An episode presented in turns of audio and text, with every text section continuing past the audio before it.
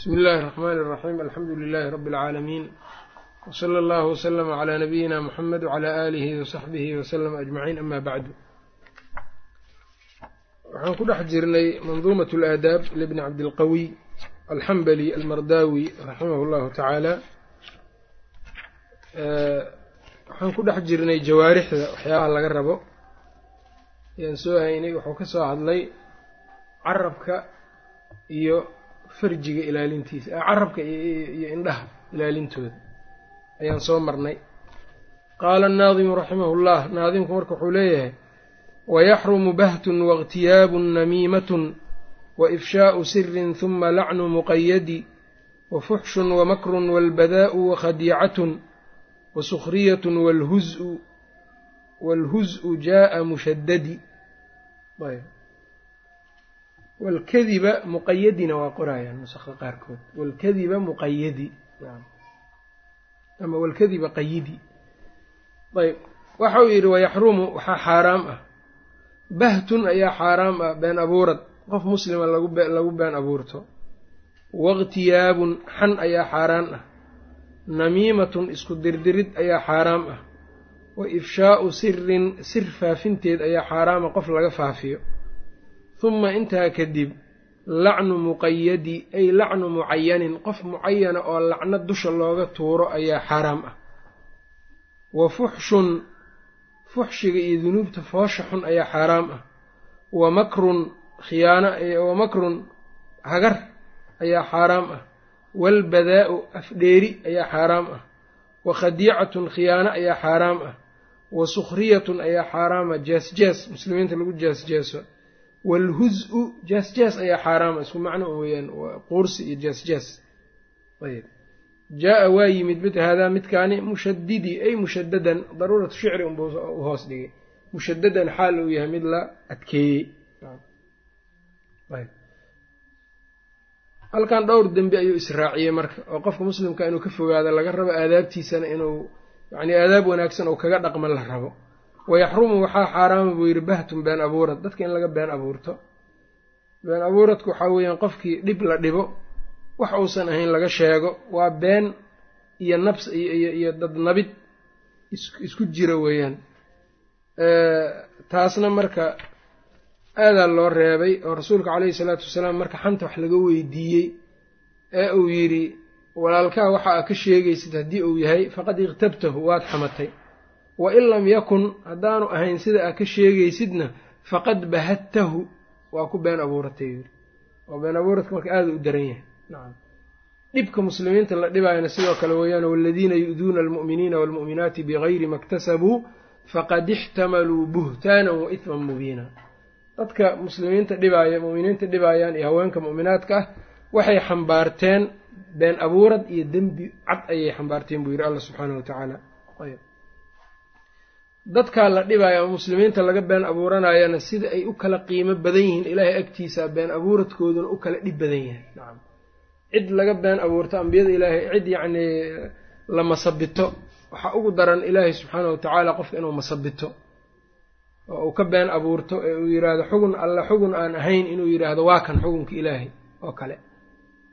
Nebiyada ilaahay subxaana wa tacaala oo been laga sheego wax aanay ahayn lagu tilmaamo laga sheego waa been abuurad culimada islaamka iyaguna sidoo kale waxaysan sheegin laga sheego si dadka infiraar looga sameeyo ama looga eriyo ama yacnii loo dadkii yacni quluubtooda lagu yareeyo oo kale.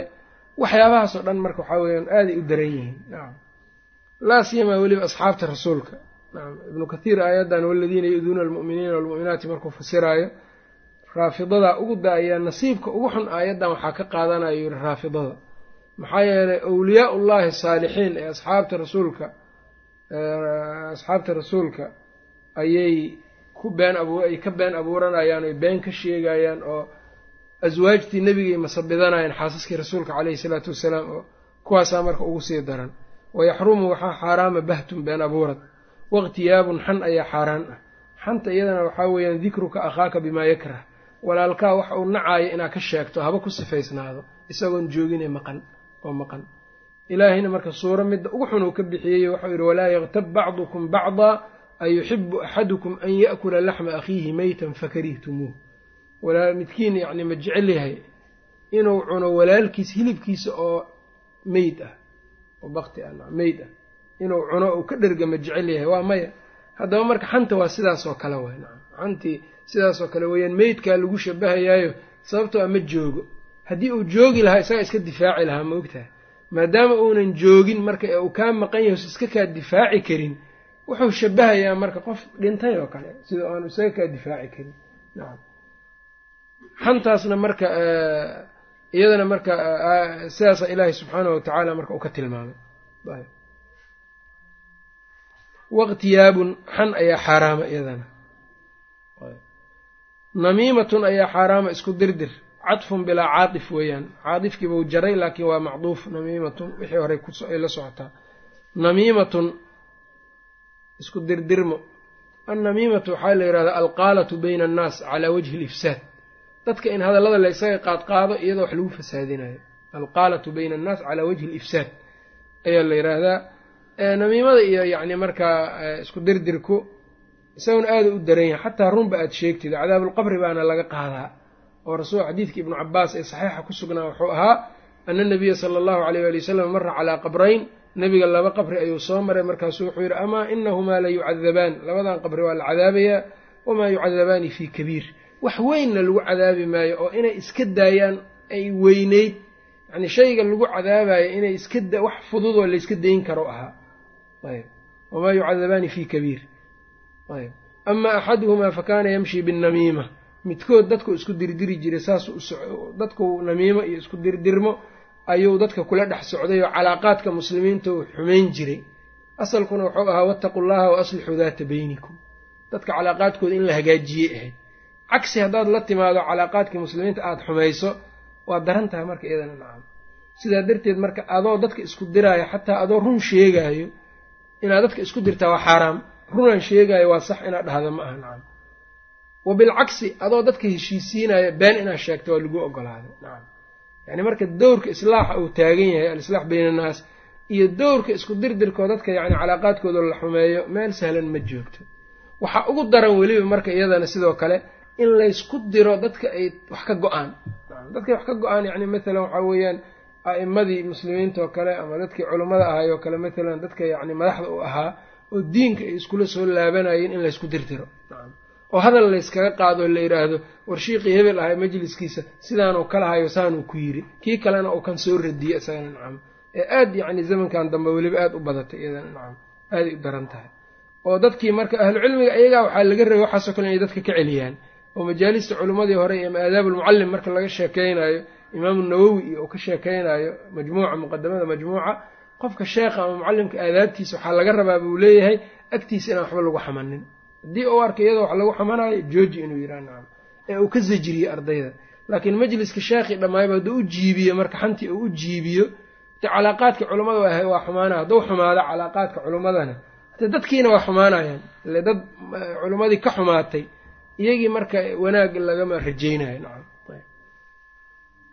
marka qofka ardaygan inuu aada iskaga ilaaliyo waa xataa yacni ahlu cilmiga dhexdooda marka uu qofka sheekha wax akhrinayo oo kale ama uu dersi ku jiro oo kale culummada waxay reebaan xataa inuu ardaygu uu yiraahdo laakina hebel imaamkaas ama sheekhaas sidaas sidaasoo qabaa inuu yidhaahdo ma aha.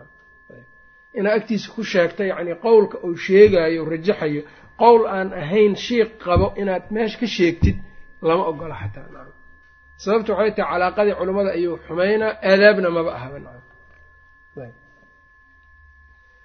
namiimatun isku dirdir ka kalena wuxuu ahaa marka qabriga nebiga labada nine uu sheegay qabriga lagu cadaabayo wa ama alaakharu fa kaana laa yastatiru min albowl kaadida iskama asturi jirin.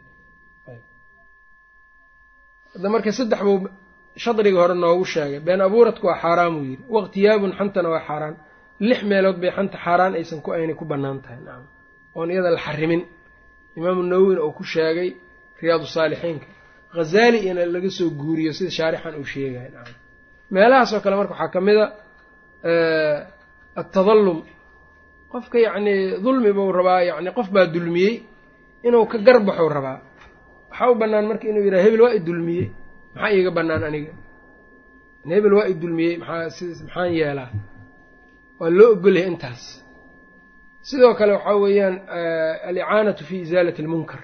Munkar zuulintiis inaad qof ahl u ah uga kaalmaysato oo tiraa war dadkaas meeshaas waxaasay ku sameeyaan ee niyahow zuuli qof zuulin kara munkarkaas inaad u kaalmaysato. Marka aa u sheegaysid marka xantaas waa xan bannaan waay. Oo aa leedahay war ninkii hebel ah waxaasuu sameeyaaye ka celi. Waa nasiixa ma ogtahay? Tan kale waxaa kaloo iyadana xanta sida la baneeyey waxaa ka mid a litacriif qofkan lama garan karo. Haddii aadan waxa nuqsaanta ku jirta oo kale yani waxaan u jeedaa tilmaan isaga uu leeyahay ee uu dhibsanayo haddii aadan sheegin mathalan muxadisiintana aaday u isticmaalaan alaxwal alacraj alacmash ayaa la leeyahay ninkii jiiska ahaa. Litanqiis haddii aad u sheegaysid oo ninkan ku nuqsaaminaysid waa dembi iyada ma banaanaanayso. Laakiin haddii aad ugu sheegaysid litacriif qofkan inuu qofka kale ka soocmo waa bannaan tahay. Oo kutubta xadiidkana aad baa ugu arkaysaa. Waxaa kalooy ku bannaan tahay sidoo kale talo istishaaro iyo wax lamida oo kale qofkii waxaa weeyaan qof baa u yimid markaasuu wuxuu yidhi waa la talinayaa nacam waa bannaantahay iyadana waxa uu ka ogyahay inuu qofkaa uga sheego. Xan bannaan waay. Markii ay u timid faadima binti qays rasuulka caleyhi isalaatu wasalaam ay tiri ina mucaawiyata wa abaa jahmin qad khadabaanii. Mucaawiya iyo abuu jahmi waa isoo dooneen. Seen yeela amaa mucaawiyata fa sucluukun laa maala lahu. Mucaawiya wuxuu yidhi waa faqiir maal ma haysto. Yidhi wa ama abuu jahm falaa yadacu alcasa can caatiqihi nebiga marka waxay ahaayeen buu uga sheegay uma qarinin. Markaasoo kale marka qof qof la shirkoobayo markaa aragto qof qof inuu guursado raboo kale marka aa aragto war ninka hebel aadaa taqaane ma lala shirkoobi karaa ma laga guursan karaa gabadhaa ma la guursan karaa gabadha inay tiraa ninkaa ma la guursan karaa waa bannaan tahay.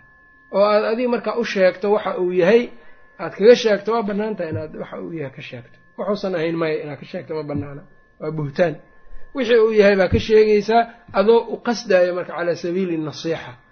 Adoo nasiixa u qasdaayo noocan sidoo kale waxaa ka mid a aljarxu watacdiil diinkii ayaa loo naseexaynaa oo dadkii matalan axaadiidta waxaad ku arkaysaa ruwaadda in la leeyahay kan waa sayi lxifdi wa hada daciif hada kadaab hada wadaac. In la dhahayaad arkaysaa. Kadaabkaas marka xan xan ma aha. Ee waxaa weeyaan xadiidka nebiga ayaa loo danaynaa ilaa xadiidka nebiga sharci waayo ma ogtahay oo waxaa la rabaa axkaam baa lagu dhisayaa haddii nin walba loo daayo oo la yidhaha dadka lama xamanayo mafsadada ka dhalanaysaa ka badanaysa. Marka maslaxadii iyo mafsadadii baa inta laysku fiiriyey. Labadii mafsado yacni ninkan in la xanto mafsadada ka imaanayso. Iyo in nebiga diintiisa lagu ciyaaro mafsadada ka imaanaysa waxaa badatay in nebiga diinkiisa lagu ciyaaro mafsadada marka waxaa weeyaan irtikaabu adna almafsadatayn. Labadii mafsadad tii yareyd baa la korayaa marka. Wayna banaanaanaysaa markaas baabkanna marka waxaa weeyaan iyadana waa intii laga ruqseeyey inaan la gudbin waay xagga xagga aan loo dhaafin oo culammadu waxay yidhaahdaan awalan ninka baabkan gelayo jaarixa iyo mucadilka oo la leeyahay xanta waa u bannaan tahay inuu ruwaadda wax ka sheego. Ama yacni hadda waqtiga xadiidka la warin jiray keliya kuma eka jarxiga iyo tacdiilkee qof mathalan waxaad arkaysaa aan diinkii aqoon u lahayn oo kale mathalan. Amaba aqoon u leh diinka laakiin aad u cabsanaysa ardayga. Ardaygaa u cabsanaysaa inuu bidca iyo yacni meel xun geeyo. Inaad uga naseexayso horniyo ninkan aada u tegayso ood fiqiga inaad ka barata rabto ninkan baa kaaga wanaagsan ictiqaadkaaga kudhma ku dhumaayo. Saasoo kale inuu yidhaahdo waa weli waa taagan tahay taasi way bannaan tahay. Laakiin waxay u bannaan tahay man limanay u bannaan tahay. Waxay u bannaan tahay qof tacasub ka maran yacni qofka yacni jaarixa ama mucadilka waa inuunan ahayn mutacasib hadduu mutacasib yahay koox u tacasubo waxaa weeyaan inuu galaba maba aha baabkan isagaa nacam. Sidoo kale nin alla ka cabsile taqwo inuu leeyahay cilmi inuu leeyahay waxaan uu ka hadlayo tan kale waxay culammada sidoo kale ay ku daraan intii sharciga uga ruqseeyey hadduu dhaafo xanay noqone waa inuusan dhaafin shaksigan sharciga hadduu kuu ruqseeyey war ninkan waa kadaab xadiidka nebigaa laga qaadanin.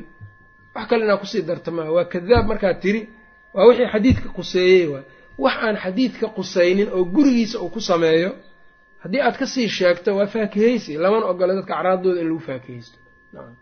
Wa min hunaa marka ibnu daqiiq ilciid masaladan marka yacni jarxiga iyo tacdiilka dad badan baa culamadu waxay sheegaan in dad badan ay ku bannaystaan dadka cirdigooda. Nacam oo iyagoo dhahaya min baabi aljarxi watacdiil waay ibnu daqiiq ilciid kitaabkiisa aliqtiraaxa mustalaxulxadiidka wuxuu ku sheegay wuxuu yidhi wuxuu sheegay cilmigan isagoo ka hadlaayo yani wuxuu yidhi ina acraada annaasi xufratun min xufari innaar dadka acraaddooda waxa uu yidhi waa xufratun min xufari innaar god godadka naarta ka mida waa waqafa calaa shafiirihi daa'ifataan. Godkaa gowgiisa ama qarkiisa waxaa istaagay laba koox alculamaau waalxukaam marka ilaahi ha uga cabsadaan waa marka acraadu lmuslimiina xufratun min xufari innaar yidhi muslimiinta acraaddooda god naareed waay. Hadday adiga marka danta kugu kalifto inaad ka hadasho oo sharcigii uu kuu ruqsiyey isjir halis waxaa u tahay marka inaad godkaa ku dhex dhacdo. Intii sharciga keliya kaga gaabso. Ibnu naasirdiin dimashqi isagana kitaabkiisa la yidhaha aradd lwaafir yacni kaga hadlaayo sheikhulislaam ibnu teymiya inta aimo ee sheikhulislaam ku tilmaantay markuu sheegayay muqadamada kitaabkaas wuxuu ku sheegay jarxiga iyo tacdiilka waxa uu yidhi dad badan shaydaanka muslimiinta inay xantaan ayuu shaydaanka uu gelinaa ama acraadu lmuslimiin inay yacni galaan oo ay ku xadgudbaan buu dhex gelinaa marka waxa uu yidhi isagoo ugu soo gambanayo weliba baabuljarxi watacdiil baabkaanu ugu soo gambadaan marka waxaad arkaysaa dad badan oo dhahayo maalan a'immadii horeo kale waa dhici jirta inay dhihi jireen shucbo iyo kale iyo sufyaanu thawri iyo kale inay dhihi jireen tacaaluu falnaqtaaba lila falnaqtaab lilaahi saaca. Ilaahay dartiis aan hal saac wax u xamanno. Yacni markaa jarxigii iyo tacdiilkii iyo isnaadkii iyo aan ka hadalnay ka wadaan. Laakiin qof yacni isagiiba aan aqoon badan u lahayn cilmigii xataa aan musطalixi waxba ka aqoonin ama aan isagii loogaba fadhininba baabkan. Haddii uu yidhaha marka tacaal falnaqtaaba lilaahi saaca ilahay dartiis wax u xamanno maxuu xantaa isaga marka qofkaas marka ummad badanaa ku fitnaysan nasal allah salaamata marka inuu ilahay naga nabadgelya weydiisanayayb kaasna marka isagoo aaday ay uga hadlaan. Imaamu dahabina meelo badan oo miisaanka iyo tadkiiratulxufaadka iyo aada uga hadlaan. Laas iyamaa qofkaan aqoontaba ulahaynba oo fannigan aan aqoon ulahaynba inuu ka hadla ma aha. Nacam ayb. Waxaa kaloo waxyaabaha kaloo sidoo kale fadwada xanta waa ku bannaan tahay. Qofka yacni matalan xugun baa nin ku xiran. Tadallum iyo tan waa kala duwan yihiin taas adaa ka gar naqsanaya laakiin middan waxaa weeyaan xugun diini ah baa kaaga xiran qofkan. Sheekh baad weydiinaysaa ama nin caalim ah. Waa bannaan tahay marka inaad ninkii hebel ahaa sidaa ay sidaas buu igu yidhi ma u bannaan tahay inaad tiraahda hinda binti abi sufyaan radia allahu canha waatay tiri in abaa sufyaana rajulun shaxiixun. Abuu sufyaan nin bakiila waay tiri nacam walaa yuctiinii isiin maayo aniga iyo ilmahaygaba maa yakfiinii wax igu filan.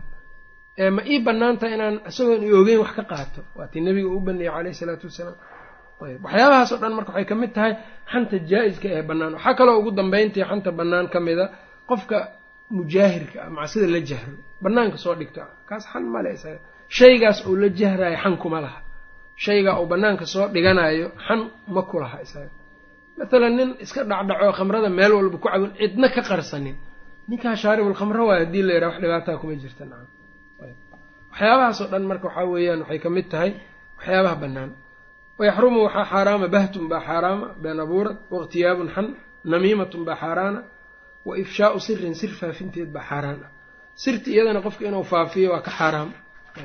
Waa laga yaabaa sirta faafinteeda qofka inay uga khatarsan tahay inaad maal ka dhacdo. Sir aa ka faafisa inay kaga dhib badan tahay sirtuna waxay soo gelaysaa qowluhu tacaala wa awfuu bilcahdi ina alcahda kaana mas'uula. Ballantay kami ayay soo gelaysaa. Rasuulkana calayhi salaatu wasalaam wuxuu yidhi ina min ashari innaasi mansilatan cinda allahi yowma alqiyaama alrajulu yufdii ila almar'a wa tufdii ilayhi huma yunshiru sirahaa rawaahu muslim.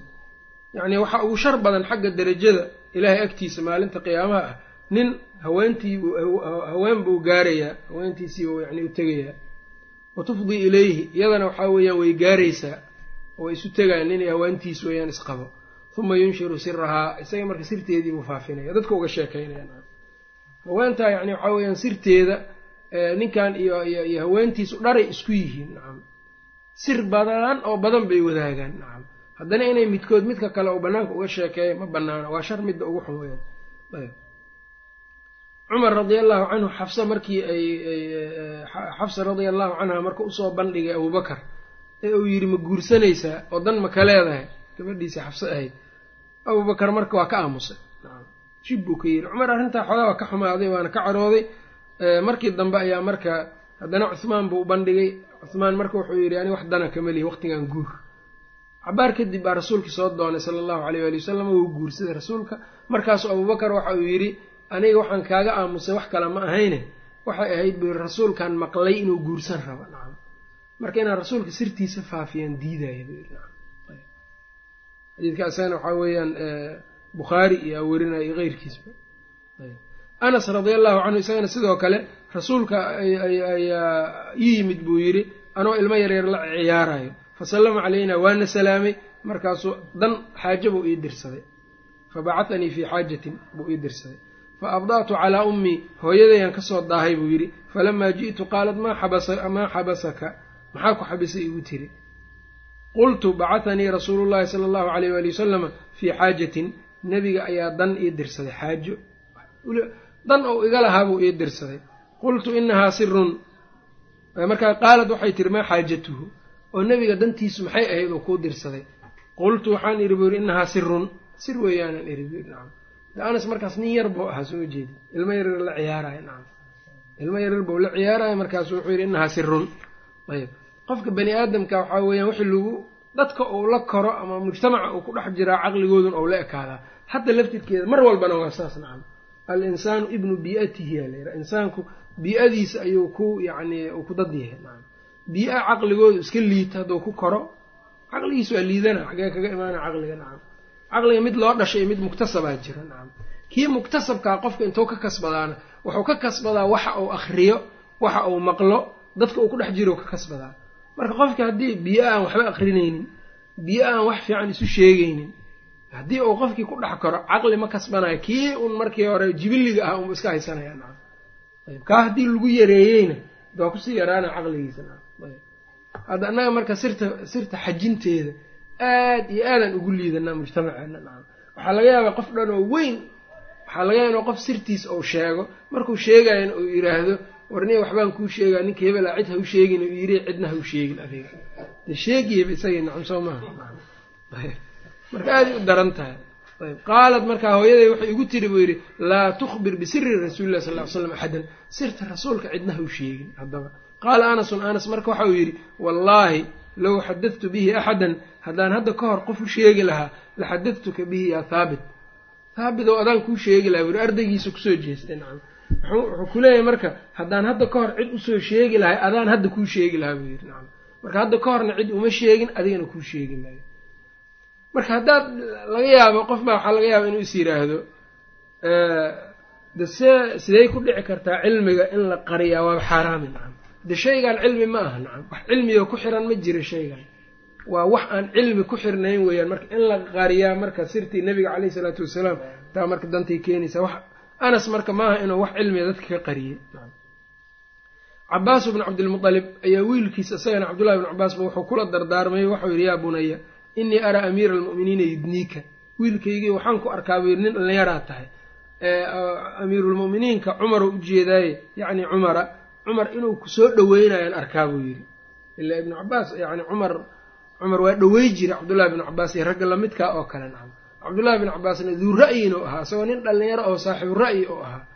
Ayb wax badanna waa ka faa'iideystay cabdullaahi bnu cabaas cumar radia allahu canhu axaadiis badan buu ka wariyaa ayb wuuna ka heybeysan jiray oo axaadiidta qaar xadiidkii bukhaari iyo waxaad arkee in mas'alo keliya inuu weydiiyey ay ku qaadatay laba sano iyo ka badan intaa heybad uu ka heybeysanayo darteed.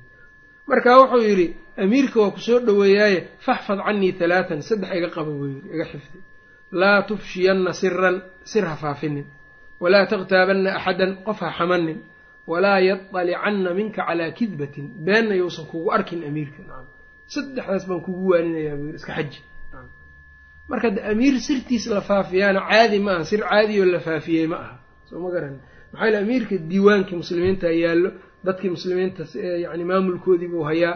Calaaqaadkii muslimiinta iyo keyrkood ka dhexeeya isagaa og ma og tahay marka in dadka dhan la ogeysiiya ma aha. Arrintaanna waa ku liidana annaga nacam ayb kan sheeganayo inuu siyaasigii yahaa laga yaabaa inuu markuu meelaha joogo oo ka sheekeeyo yacni waddankii iyo xaalkiisii iyo meelaha ay soo maraan iyo dadka uga sheekeeya. Marka malaha mujtamaca yacni iska sheeko jecelaan iska nahay nacam.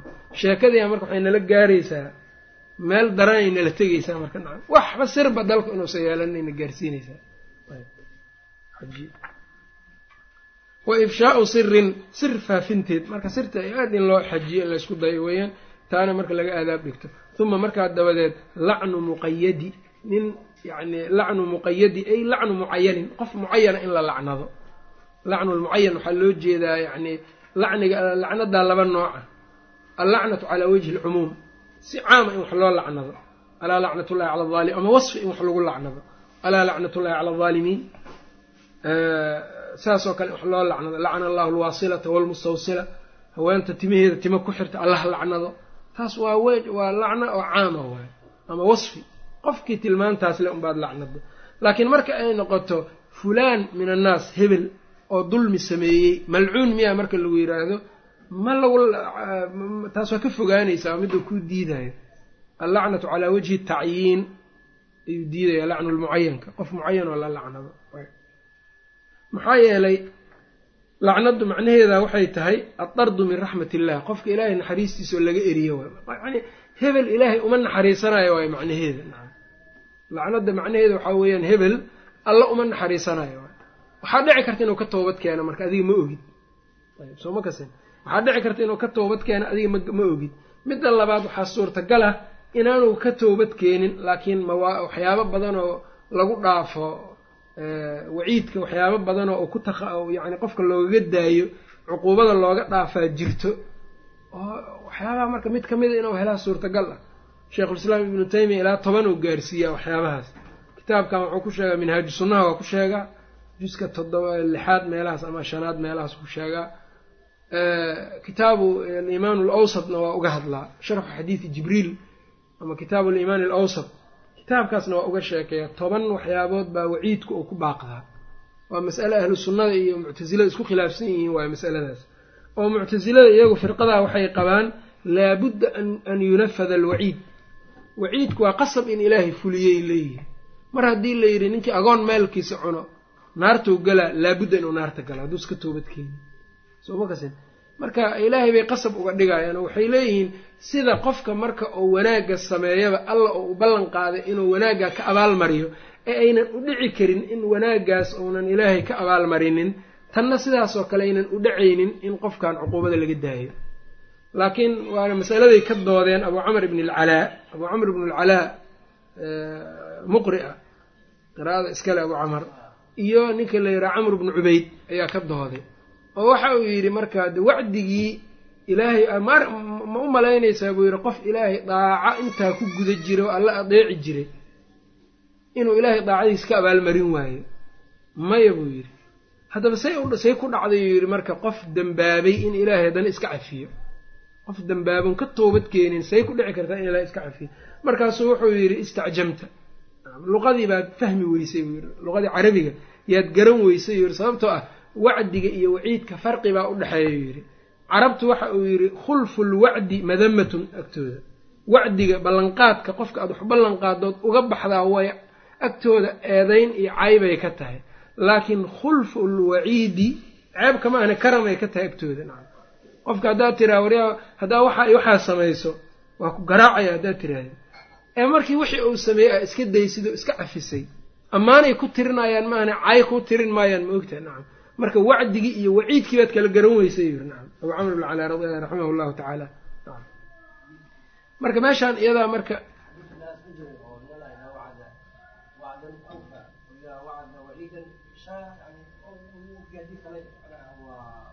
waa suurtagal hadda iguma soo dhacsana maasha allah waa suurtagal.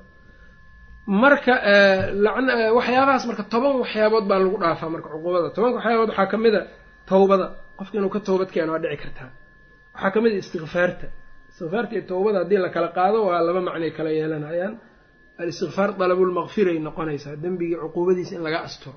Tawbadiina waxaa weeyaan waa nadam iyo shallaydii bay markaas noqona in dembigii laga shallaayo. Atawbatu walistikfaar waxaa lagu dhaafaa masaa'ib dunya. Qofka adduunyada musiibaa ku dhacayso musiibada ku dhacdaa dembi dhaaf bay u keenaysaa. Maa yusiibu lmuslima min nasabin walaa wasabin walaa hamin walaa xusnin xataa shawkatu yushaakuhaa ilaa kafara allahu bihaa buu yiri waxaa ka mid a sidoo kale masaa'ibta qofka aakhiro ku dhacayso howlka iyo dhibaatada aakhiro qabriga musiibada kaga dhacayso waxaa lagu dhaafaa sidoo kale shafaacatu shaaficiin nebiga shafaacadiisa inuu haleelaa laga yaaba uu gaaro soo ma garanin waxaa dhici karta salaada janaasada dadka ku tukanaya dembi dhaafka ee alla uga baryayan in loogu dhaafo waxaan waxyaabahaasoo dhan marka laysu geeyo qofka mu'minka waxba ka weyn maayo intaas nacam. Intaa wax un waa ka helayaa soo maa marka in waciidkii iyo lacnadii qof lagu qasbo oo la yidhaha hebel waa malcuun khatar waayo nacam. Aadanna ogeyn weliba mustaqbalkiis wuxuu noqon doono. Qisadii marka xadiidkii saxiixa ah ayaa imaanaya markaa nabiga caleyhi salaatu wasalaam uu yihi laba nin oo reer bani israa'iil baa jiri jireen. Midkood uu caabid ahaa midna uu ahaa nin iska yacnii aan cibaado badnayne bal dembi badan buu ahaa markaasaa kii cibaadada badnaa mar walba waa waanin jiray midkii. Kan cibaadada badnaa kan cibaadada badnaa mar walba waa waanin jiray midka dhibka badnaa ee dembiga badnaa. Maalinkii dambe unba wuxuu yidhi abucista calaya raqiiban. Warniyo wuxuu yidhi iga tag. Maadaa la ii kaa soo diray buu yidhi nacam aniga inaad iga noqoto ilaaliye miyaa laguu soo diray? Yidhi aniga markaasuu kii cibaadada badnaa waxau yidhi wallaahi laa yakfir allahu laka. Ilaahan ku dhaartay ilaahay kuuma dembi dhaafayo markaasaa ilaahay subxaanahu watacaala uu yidhi man da aladii yata'allaa calaya kii aniga igu dhaaranaya aawe allaa akfira lifulaan inaanan hebel u dhaafaynin. Adna wuxuu yidhi naxariisteyda jannada ku gal. Qof muslim buu ahaa dabcan haduus muslim ahayn janno maba galeen moogtahay kanna waxaa la yidhi marka adigana cadligeyga naarta ku gal. Abuu hureyra radia allahu canhu marka xadiidka markuu werinayo waxa uu yidhi ama nebiga yani in loo rafciyo waa dhici kartaa. Wallaahi wuxuu yidhi waladii nafsii biyadihi inahu takalama bikalimatin awbaqat dunyaahu wa aakhiratahu. Wuxuu ku hadlay kelmad adduunkiisa iyo aakhiradiisiiba halaagtay oo baabi'isay. Marka khatar waay qofkan ilaahay uma naxariisanaayo malcuun waayo macnaheeda ilaahay uma naxariisanaayo waay macnaheeda marka ilaahay hebel uma naxariisanaayo ilaahay hebel uma dembi dhaafaayo hebel waa lacnadan yahay khatar waay taas waa midda uu diidayo marka lacnada qofka mu'minkaana lacnu lmu'mini ka qatlihi. Xadiidka saasuu ahaa qofka mu'minkaa lacnadiisa waa dil aad dishay oo kale laa yanbagii lisidiiqin an yakuuna lacaanan ayuu yiri nabiga sal ly slam qof sidiiqa uma habboona inuu noqdo qof lacnad badan. Laa yakuunu lacaanuuna shufacaa'a. Dadka lacnada badanna aakhiro iyaguma shafeecaan. Walaa shuhadaaa yowma alqiyaamati. Maalinta qiyaamahana marqaati ma noqdaan lacnadii marka iyada wuxuu ku qeyday huma lacnu muqayadi buu yidhi. Qof mucayana oo hebel lacnadiis cali ama faarax ama fulaan dembigiibuu galay lacnada keenayay isaga marka waxaa kala duwan inaad tiraahdid masalan lacana allahu man gayara manaara alardi buu nabigu yidhi sal ly slam allaha lacnado dhulka xuduudihiisa qofka dooriyo. Xuduudaha dhulka qofka dooriyo yacni jidadka iyo dadka ku soo sikada way nacam. Oo iyagu marka xuduuddii iyo dooriyo baabi'iyo haddaa marka aragto qof noocaas oo kaleo falkaas ku dhaqmaayo waxaa kala duwan inaad tiraahdo war ninkii falkan oo kale ku dhaqmo waa la lacnaday. Iyo waxaa kala duwan inaad tiraahdo hebel oo sidaan sameeyey waa malcuun. Midda uu ku diidayo tan dambe weeyaan wasfi marka in wax lagu lacnado alaa lacnatullahi cala alaalimiin lacna allahu alyahuuda waannasaara lacana allahu alwaasilata walmustawsila walwaashimata walmustawshima waa bannaan tahay kuwa halkaas o dhan tilmaamahaas ile nabigaaba yidhi sala allahu alayh ali wasalam gaalka isaga ma la lacnadi karaa qof gaalo hadda nool. Fulaan almalcuun ma la dhihi karaa. Waa la diidaya iyada sheikhulislaam ibnu taymiya waa diidaya sababtoo inuu towbad keeni doono lama oga. Inuu ku dhima doono islaam ma ogid adiga naxariista ilahay in laga fogeeyey iyo in kale ma sheegi kartid. Maxaa yale lacnaddu waa khabar. Waxaad ka warramaysaa ninkaan naxariis alle in laga dheereeyey. Waaba nool yahay sideed u dhihi kartaa marka sidaas inuu islaamo soo ma dhici karto. Wa fuxshun fuxshi fuxshiga waxaa weeyaan dembiga kiisa laga yaqyaqsoodo waa zinada iyo liwaadka iyo wax lamidka oo kale weeyaan. Wa fuxshun baa xaaraam ah wa makrun baa xaaraama makri khiyaano. Makrigu waxaa weeyaan waa hagar oo dadka yacni in loo maleego yacni inta shirqool loo maleego markaas lagu lagu dilo ama maalkooda lagu baabi'iyo ama siyaabaha la yeelo walbadaa-u afdheeri albadaa waxaa weeye qofka albadiy albadiy waxaa la yihahdaa qofka afka yani hadalkiisa qofka aada yani afka uga falan ee aada u hadal xun hadalka badanaa la yihahda tartaarka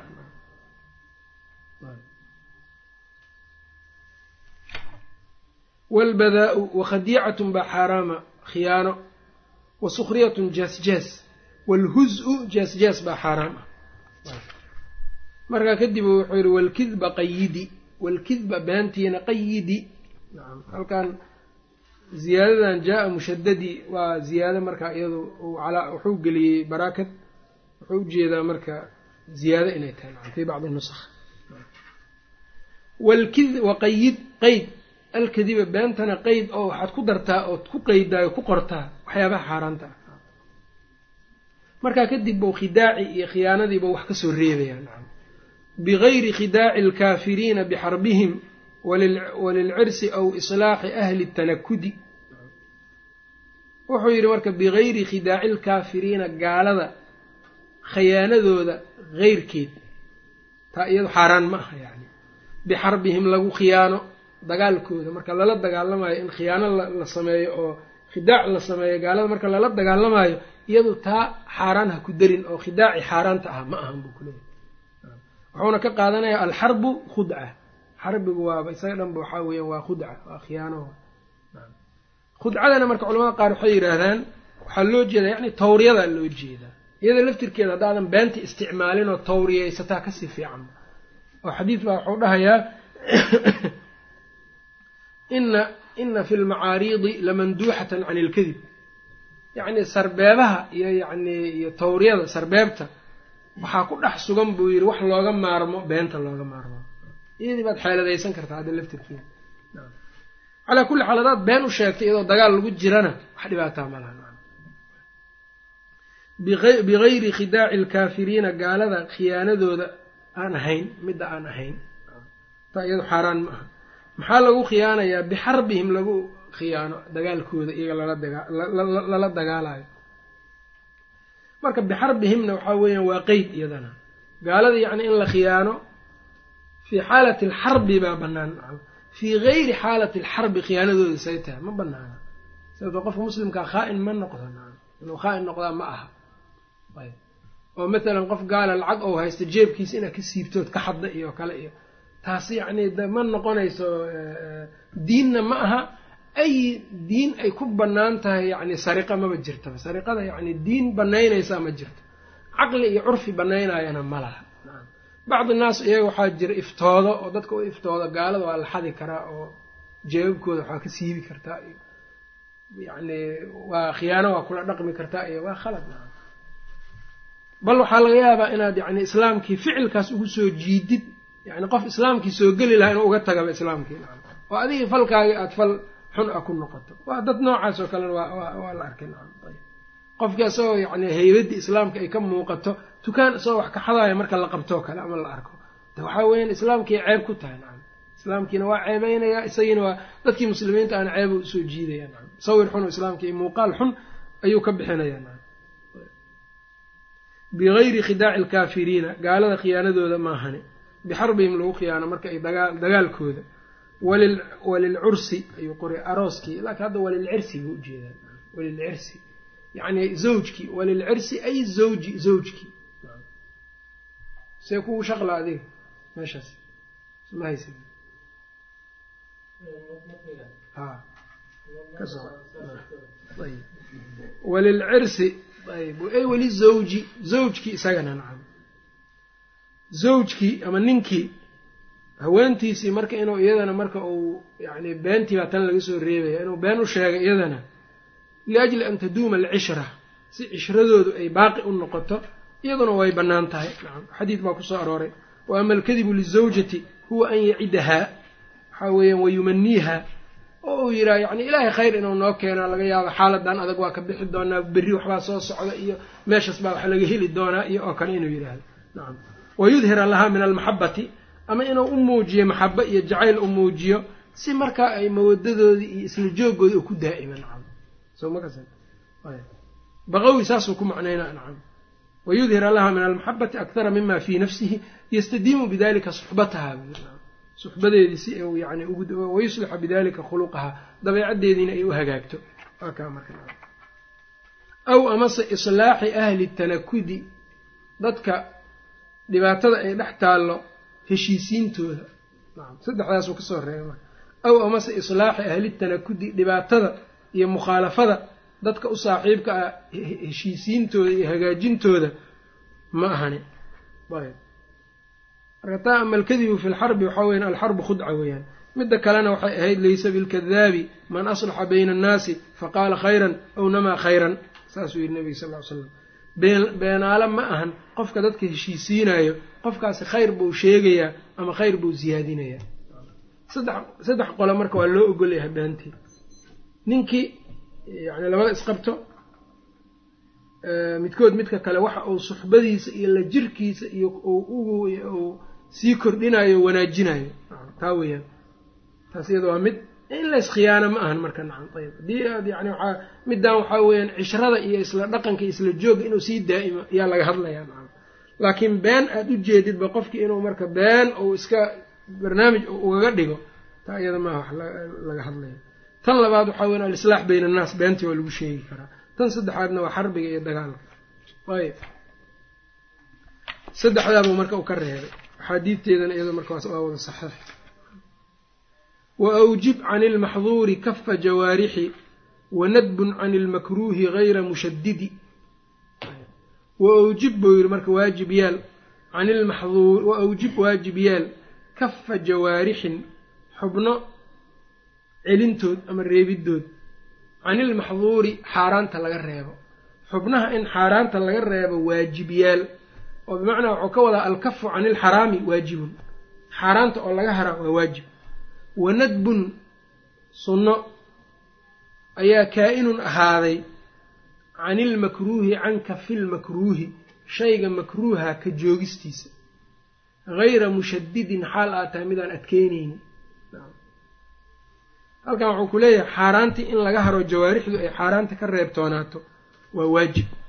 Karaahadii wixii makruuha ahaa ina inay ka harta jawaarixdiina waa sunna waa manduub. Intaas bis waa labada beytkan wax uu ku sheegay. Ile axkaamtu shanay ahayd ma og tahay labana nawaahidi nahyigay soo galaan. Labana waxay soo galaan amarka. Amarka waxaa soo galo waajibkii iyo manduubkii nahyigana waxaa soo gala maxduurkii iyo makruuhi. Maxduurka in laga joogaa waa waajib. Makruuhi in laga joogsadaana waa sunna waa manduub. Intaas weyan labadan beyd wuxuu ku sheegay. Wa amruka bilmacruufi wannahyu yaa fataa can ilmunkari ijcal farda caynin tusadadi calaa caalimin bilxadri waalficli lam yaqum siwaahu bihi mac amni cudwaanin mac amni cudwaani muctadi muctadid buu dhigaa muctadi weeyaan walow kaana daa fisqin wajahlin wafii siwa aladii qiila fardun bilkifaayati waaxidi wa amruka amarkaaga halkan wuxuu soo galay marka wuxuu ka baxay jawaarixdii alamru bilmacruuf wanahyu can ilmunkar aadaabta ku saabsan buu gelaya halkan. Wa amruka adiga amarkaaga bilmacruufi aada faraysa dadka macruufkii. Wa amruka faridaada waa masdarun udiifa ilaa faacilihi waay masdar faacilkiisa loo idaafeeyey waay wa amruka amridaada adiga bilmacruufi aad dadka wa amruka adiga amridaada annaasa dadka aad faraysid. Bilmacruufi aada faraysid. Wannahyu reebis. Canilmunkari munkarka aad reebaysid xaggiisa yaa fataa wiil yahow ijcal yeel waxaad ka dhigtaa farda caynin fardu cayn ka dhig qof kasta mid laga rabo ka dhig. Tusadadi waa lagu hanuunin markaa. Yow fardu cayn ku yahay laakiin calaa caalimin caalim korkiisa inuu fardu cayn ku yahay ka dhig. Calaa caalimin mid og oo caalim ku ah bilxadri shayga xaaraantinimadiisa. Waalficli ficilkaas mid og la samaynayo kaasoo caalimkaas oo lam yaqum aanay uusan u istaagin siwaahu isaga wax ka soo haray bihi macruufka faridiisa iyo munkarka reebidiisa. Mac amni cudwaaninna lala qabo. Cudwaan iyo collaytan iyo ciqaab yacni ciqaab ka aamin noqoshadeeda lala qabo. Nacam mac amni cudwaanin cudwaan laga aamin noqdo. Mac amni cudwaani muctadi mid xad gudbaayo. Cudwaankiisa iyadoo laga aamin qabo yani halkan labadan beyd wuxuu ku sheegay alamru bilmacruuf wannahyu can ilmunkar waa fardu cayn oo wuxuu ku noqonayaa yani sida xukunka guud waa fardu kifaaya. Laakiinse qofka caalimka ah fardu cayn buu ku noqdaa haddii qof og yacni shaygan inuu xaaraam yahay. Ficilka in la samaynayana ujeedo oo og. Cudwaan ou ka cabsanayana aan jirin.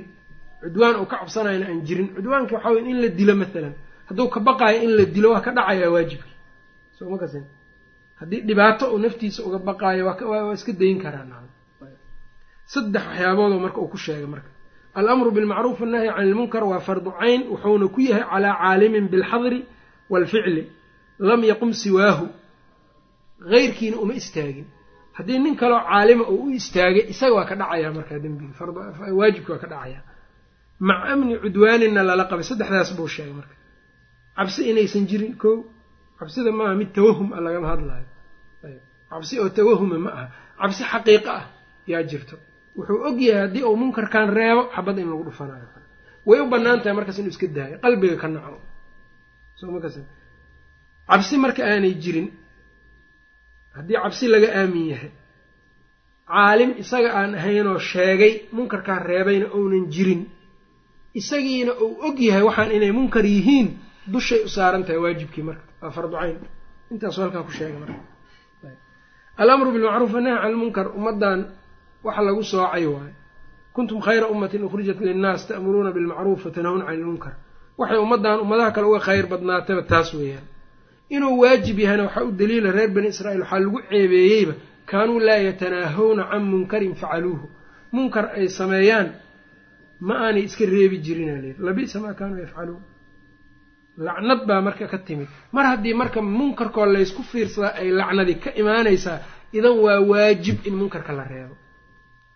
Fardu kifaaye inuu yahayna guud ahaanna waltakun minkum ummatun yadcuuna ila alkhayri waya'muruuna bilmacruufi baa u daliila laakiinse mararka qaar ou fardu cayn ou noqonayaayo waa mid hadda sheekh uu sheegayo ninkan isagaa caalima caalim kale ma joogo waa u jeedaa waa zuulin karaa munkarkan waa reebi karaa cabsi ma qabo kaasoo kale waajibuu korkiisa ku noqonaya marka inuu munkarkii reebo.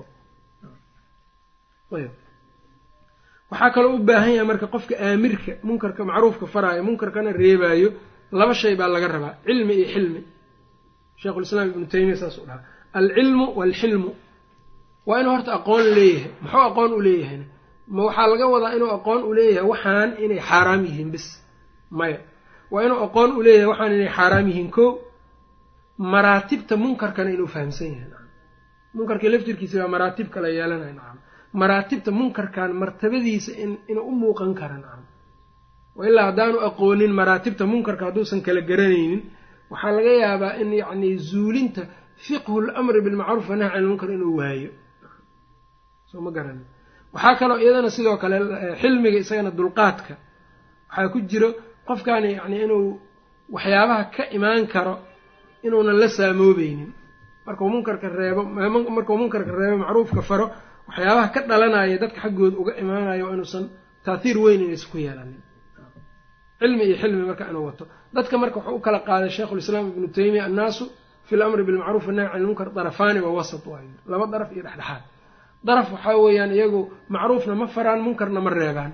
Aayaddii yaa ayuha aladiina aamanuu calaykum anfusakum ay qalad ka fahmeenba naftaada uun keliya ka soo baxa abuubakarna wuxuu yidhi idinku aayaddan baad akrinaysaan yidhi. Maxmalkeedii meelaan ahaynna waa ku xambaaraysaan buu yidhi. Maxmalkeedii waxaa weeyaan qofka markuu macruufka faro munkarka reebo kadib wixii yimaada isaga xan looma haysta naftiisa waa ka soo baxay tii lagu lahaa. Macnuhu sidaa weeyaan buu dhahay. Qolada kalena waxaa weeyaan alamru bilmacruuf wannahy can ilmunkar bay samaynayaan biduuni cilmin cilmi la'aan. Imaa shaygan inuu munkar yahay baysanba cilmi u lahayn wa imaa waxaa weeyaan munkarkii fiqigii lagu zuulin lahaa baa ka maqan. Waxaa laga yaabaa inuu munkarkan zuuliyo midka weyn inuu meeshii keeno. Marka waxay dhihi jireen culimmadii hore liyakun ha ahaado. Yacni amruka bilmacruuf wanahyuka can ilmunkar macruufka aad farayso munkarka aad reebaysid ha noqdo mid keenaayo yacni mid yaraynaayo mafsadadii. Ama mafsadadii dhanba baabi'inayo laakiin haddii munkarkaagii aada reebayso ou noqdo mid ka weyn meesha inaad keenaysid faraha inaad ka qaado walidalika sheikhulislaam ibnu taymiya qise waxay ka sheegaan tataarta. Xilligoodii niman marka waxaa jiray way soo mareen iyagoo khamro cabaaya nacam ayuu soo maray. Markaasi waxay yidhaahdeen dad baa marka waxuu arkay inay ka celiyaan bay damceen war iska daaya khamradan inay yidhahdaan markaasuu sheekh wuxuu yidhi iska daaya nimankaan. Yacni khamradan ay cabayaan wuxuu yidhi khamrada sideedaba dadka waxaa looga reebay muslimiinta dikriga ilaahay iyo salaaday ka mashquulinay soo ma garan. Oo aayaddii marka waxay ahayd yaa ayuha aladiina aamanu inama alkhamru walmaysir walansaabu walaslaamu rijsu min camali shayطaani faijtanibuuhu lacalakum tuflixuun. Inamaa yuriidu shayطaanu an yuuqica baynakum alcadaawata walbagda'a fi alkhamri walmaysiri wayasudakum can dikri illahi wcan isalaa nimankan marka wuxuu yidhi khamrada hadday cabaan dhiigga muslimiintay ka mashquulinaya buu yidhi. Iyaga dikri iyo salaad ay ka mashquulinaysaa maba hayaanu yidhi nimankan. Nacam marka iska daaya ha ka mashquulaan muslimka dhiiggiisu nacam soo ma garan. Laakiin haddaad ka reebtaanoo caqligooda u soo noqdo muslimiinta unbay laynayaan soo ma garan. Marka iyadaa fiqhi u baahan macruufka faridiisa munkarka reebidiisa fiqi badan buu u baahan yahay. Ayb sidoo kale waxaa kala duwan dadka macruufka la faraayo munkarka laga reebayo waa isku mid maaha markaad macruufka munkarka aad ka reebaysid nin caalima nin ra'iisoo madaxa markaa munkar ka reebaysid iyo nin caadiyo adiga yacnii ama ilmahaagiiba ah ama yacni ardaygaagii ah isku mid ma aha walidaalika marka madaxda oo kale munkarka laga reebaayo de in loo tagoo loo naseexeeyo munkarkii laga reebo yacni markaa sidaa looga zuuliyo ayaa axaadiidna ay ku soo aroortay oo saasaa la yeelayaa oo haddii iyagii waxaa laga yaabaa inaysan anfacaynin khushuuno iyo ad adeyg iyo haddii aad kula macaamisho inuu wax baabi'iyo adna ku baabi'iyaa laga yaabaa. Culamadaxadiidna waa ku soo arooro cabdillahi bni hanmin xadiidkiisa oo uu werinayo ibnu abi caasim fi sunna. Marka taas iyadu waxyaabahaas o dhan marka qofka inuu yaqaano. Qoladaas marka ayaga waxaa u badan badanaa khawaarijta iyo muctasilada iyo fiqhu lamr bilmacruuf nahy can ilmunkar ma hayaan ma yaqaanaan marka waxaa aad iyo aada u sahlan inay marka waxaa weeyaan xasanulbasri ayaa wuxuu arkay nin ninkii markaas telinayo madaxda ahayba waxbuu ku qoonsaday oo ku dhibsaday. Inta magaaladii ka baxaybuu meel magaalada ka baxsan inta tegayo wuxuu seeftiisiibuu qaatay. Markaasu wuxuu yidhi waa miskiin oo yidhi ninkaan macruufkii iyo munkarkii sida u zuuliyana waa aqoon waayey isagiina dadkii ka dhex baxay waxyaabahaas o dhan marka qofka inuu cilmi iyo xilmi labadaba uu leeyahay dadka marka dhexdhexaadka uu ku sheegayna waxaa weeye dad macruufkiina faraayo munkarkiina reebaayo isla markaana yacni cilmi iyo xilmi ku reebaayo. Wa amruka midda kale waxyaabaha yani la faraayo ama la reebaayo labay u qeybsamaan wax macluum min addiini bidaruura ah oo qof kastoo muslima u garanayo. Kuwaas la dhihi maayo yaa qofka sheegayo inuu caalim yahay qasab ma ah qof salaadii ka tegaa haddii la arko qof zine sameynaya haddii la arko qof sariqa ku dhaqmaa haddii la arko nin kastaa markaas ka zuulinayo munkarkaas oo kale u sheegi karo. Amaa laakiin waxyaabaha u baahan tafaasiisha iyo aqoon u baahan kuwaas culimada iskale wuuna keeni doonaa taa laftirkeeda. Wa amruka faridaada bilmacruufi aada farayso wanahyu reebis. Canilmunkari aad reebaysid yaa fataa wiiliyow ijcal ka dhig farda caynin ka dhig tusadadi waa lagu toosin calaa caalimin caalim korkiis uga dhig fardu cayn. Bilxadri og. Shay xaaraantinimadiisa og. Calaa caalimin ku garanayo caalim ku ah bilxadri ay bilmaxduuri shaygii xaaraanta ah mid og. Waalficli ficilkiina og. Lam yaqum caalimkaasoo lam yaqum ounan u istaagin. Siwaahu isaga wax ka soo haray bihi. Munkarkaa reebidiisa munkarkii reebidiisi cidaan isaga ahayn uma istaagin. Maca amni cudwaanin lala qabo. Cudwaan yacni laga aamin yahay maca amni cudwaanin muctadi. Mid xadgudbaayo cudwaankiisii laga aamin yahay weliba. Haddaad ka baqayso qofka waa iska dayn kartaa. Laakiin taa laftirkeeda culamada waxay ku xiraan dadka culimmadoo dhan ma aha inay iska daayaan alamru bilmacruuf wannahyu cani ilmunkar oo alimaam axmed raximahullah axmed bin xambal wuxuu dhihi jiray markii mixnadii khalqulqur'aanka oo alqur'aanu makhluuq in dadku ay yidhaahdaan ma'muun dadka waa ku imtixaani jiro wuxuu dhihi jiray intuu soo qabto ayuu dhihi jiray qur'aanku muxuu yahay? Qofkii yidhaahda kalaamullaahi weeyaan hayru makhluuq. Waa aad baa loo ciqaabi jiray. Qofkii markii yidhaahdo alqur'aanu kalaamullahi makhluuq qofkii yidhaahdana waa iska waa dayn jireen oo bal waxbay u dhiibi jireen oo waa soo dhawey jireen. Marka imaam axmed wuxuu dhihi jiray hadday culummada oo dhan raggii waaweynaayo culummada magaca lahaa dhammaantood haddaysan ruksada qaadan lahayn oo ay casiimada qaadan lahaayeen oo ay dhihi lahaayeen qur'aanku waa kalaamullahi hayru makhluuq.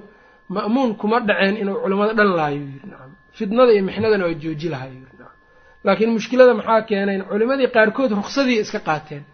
Oo waxay yidhaahdeen haddii maadaama la idiin haysto seef ruksada iska qaato qalbigiinana xaqa ka rumeeya afkana un ka qanciya. Marka sidaa daraaddeed yacni waxaa dhici karta mararka qaar dadka yacni shayga baatilka hadday culummada ku kulmaan inay baatilkaas ka hor tagaan oo ay zuul ay yidhaahdaan maya hadday dhahaan. Dhammaantood lama wada layn karo. Kulligood lama layn karo waana la joojin waxaas waxaasoo kale waa la joojinaya laakiin hadday culimadii qaarna ay yacni iyagii ruksadii qaataan kuwo kalena ay hor ordaan yacni nimankan wax imtixaanayo. De inta kale soo harta unbaa la baabi'inaya ama la dhibaa nacam inkastoo caaqibada iyaga ay yeelanayan marka ugu dambayso walidalika imaam axmed meeqa khilaafa isku soo martay muctasim ma'muun iyo muctasim iyo waathiq saddexdaas nin mixnadaasay ku wadeen xabsi iyo wax akhris la'aan iyo dhibaato mutawakil waqtigiisii buu soo baxay nacam oo loo idmay inuu dadka wax u akriyo mixnadiina laga rafciyo oo laga qaaday dadka intaas dadka maxaa lagu imtixaana waxaan qaala lahu qaala rasuuluhu aan ahayn ayaa dadkii lagu imtixaanaya iyada laftirkeeda marka ruksada marka la qaadanayo bacdi naas waxaa laga yaabaa culammada qaarkood inaan rukso loo ogolaanin matalan nin caalima oo ummadda ay ka dambaysoo kale iyo isku mid maaha nin aan saa looga dambaynin. Kan caalimkee ummadda hadalkiisa ay ku qancaysa maaha inuu rukso qaato ma aha. Mawqifka adagou qaadanaya walidaalika marka waa loo dadkii marka way ku dayanayaan si ay dadkii marka aanay u baadiyoobin. Maxaa yeele daa'iman dadka qalloocan ee fasaadka wado waxay ku dadaalaan iyaga inay maadaama waxay og yihiin dadka ahlu cilmiga inay hadday helaan caamadiina inay soo raacaysay og yihiin. Marka meel allaale meeshii gubaysi yimaadaba culumou rabaa inuu helo. Culummadaa markau ka hela marka dadkiiba wuxuu dhahaya waa kan culimmadiini raaca. Culimmadii baa dadkii dadka loo diraya halkan laftirkeeda waa ka dhacday waqtiyadii yani xamladii xamladii naboleon maxamed maxamed shaakir waa sheega ay ka dhacday marka haddii dadkii cilmiga mashhuurka ku ahaayo aqoonta lahaayo culummada ahaa hadday iyagu maya ay yidhaahdaan qayb unbaa laga dilayaa waxna waa laga xabisaa. Dadkiina waa badbaadayaan diintooda waa badbaadaysaa walow kaana daa fisqin haba ahaado ninka sheegaayo munkarka reebaayo macruufka faraayo walow kaana haba ahaado huwa isagu daa fisqin fisqi mid u saaxiiba wa jahlin ku u saaxiiba. Yani guud ahaan jahliba jahli baa haysto laakiin waxaan uu reebayo wuxuu og yahay waay. Hore u soo yiri calaa caalimin bilxadri buu ku yiri. Walow kaana haba ahaado daa fisqin fisqi ku u saaxiiba wa jahlin iyo jahli wa fii siwa ladii kii wixii ka soo haray qiila la yidhi wa fii siwa ladii kii wixii ka soo haray qiila la yidhi qiila waxaa la yidhi fardun bilkifaayati fardun weeyaan bilkifaayati yani fardu kifaaya weeyaan waaxidi waxyaabahan hadda aan soo sheegnay wixii ka soo haray ee yacni aan ahayn fardu kifaaya u noqonaya nacam xukunkaas. Saddexdan marka beyd taasuu uga baxay.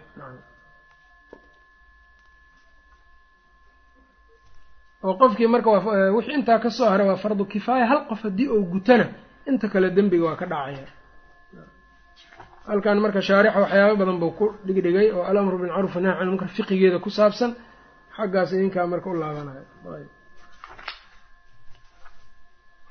Wa bilculamaa yakhtasu ma اkhtasa cilmuhu bihim wabiman yastansiruuna bihi qadi waadcafuhu bilqalbi huma lisaanuhu waaqwaahu inkaaru lfata aljaldi bilyadi wayakhtasu waa khaas noqonayaa bilculamaa'i culimadii waxaa khaas noqonaya maa wixii ikhtasa cilmuhu cilmigiisa ou gaar ku noqday bihim iyaga. Culummada waxaa ku gaar noqonaya wixii cilmigiisa iyaga ku gaar noqday. Yani waxay yaqaanaa wixii culamo maahan cid kale aanay aqoonin culummadu ku khaas noqonaa waajibkiisa. Labaan u soo qaybina waxyaabihii waxna waa wax culimmadii iyo caamadiiba ay kasi karaan waay almacluum min addiini bidaruura iyo wax aan macluum min addiini bidaruura ahayn oo tafaasiil u baahan oo culimmadii keliya un ay yaqaanaan. Wixii culimmada ku khaas ah cilmigiisa uu culimmada ku khaas yahay culimadu ku gaar noqonaya waajibkiisana nacam culimadii ayuu ayay waajibkiisii uu ku gaar noqonaya wa bilculamaa'i wayakhtasu wou khaas noqonayaa maa wixii ikhtasa cilmuhu cilmigii ogaalkiisa uu ku gaar noqday bihim bilculamaa'i culimmadu ku khaas wayakhtasu wou ku gaar noqonayaa dhe maa wixii ikhtasa uu ku gaar noqday cilmuhu cilmigiisa bihim bilculamaa'i uu ku gaar noqday. Bilculamaa'i buu ku khaas noqonayaa kaas nacam iyo wa biman buu ku gaar noqonayaa axad yastansiruuna ay kaga gargaar dalbayaan bihi isaga. Qadi ay xasbu keligiis nacam qadi ay yacni xasbu keligiis nacam culimada ama qofkii ay la kaashanayaan isleeyihiin waa idinkuu kaalmayn karaa muhimaddan iyaga un keligood buu ku gaar noqonaya nacam wa adcafuhu maraatibtii uu haddana soo galay wa adcafuhu wa adcafu lmaraatibi maraatibta alamru bilmacruuf annahyu can ilmunkar darajaadka ka ugu taagta daran wa adcafuhu kan ugu daciifsan bilqalbi weeyaan qalbiga. Huma markaa dabadeed lisaanuhu baa ku xiga carabkiisa wa aqwaahu ka ugu xoog badanna inkaarulfataa wiilka ama ninka dhallinyarada inkiridiisa weeyaan aljaldi xoogga leh bilyaddi uu ku inkiro gacan uu ku inkiro. Yacnii inuu gacan ku inkira ugu xoog badan. Man ra'aa minkum munkaran falyugayirhu biyadihi fain lam yastadcifa bilisaanihi fain lam yastadcifa biqalbihi wadalika adcafu liimaan akhrajahu muslim min xadiidi abi saciidin alkhudri ayb wuxuu leeyahay marka maraatibta kaasa ugu daran qalbiga marka inaad ka nacdo shaygan wax ka hooseeya ma jirto iyada nacam ayb idan marka qof kastaa wuxuu awoodi karaa qalbiga inuu ka naco qofkan qalbiga ka nicin munkarka dee raalli buu ku yahay munkarkii marka laga yeeli maayo isaga ayb kadib waxaa ku xiga lisaanka lisaanka laftirkiisa maruu aada muhiim u yahay nin madaxa oo kale marka xaqa loo sheegayo oo kale afdalu jihaadin kalimatu xaqin cinda suldaanin jaa'ir isaga laftirkiisa maruu martabadiisu aad ay u sarreynaysaa lisaanka. Kan ugu xooga badanna waa in gacanta lagu zuuliyo. Imaam axmed marka wuxuu yidhi gacanta oo lagu zuuliyaa in seef la qaato ama xabad la qaato maahanuu yidhi. Nacam ee waxaa weeyaan buu yidhi munkarkii iyo qofkii inaad kala dhex gasho. Haddaad ka qaaddood ka tuurto ama intaad ka qaaddo ilmahaagii oo kale ama qofaad awood ku leedoo kale ka jijebiso wixii alinkaaru bilyaddi weeyaan alinkaaru bilyaddi wuxuu diidayaa macnaha maahan. Ninkan xaakimkaa dembi bilahi towfiiq wsala allah wslam ala nabiyina maxamed wala ali sali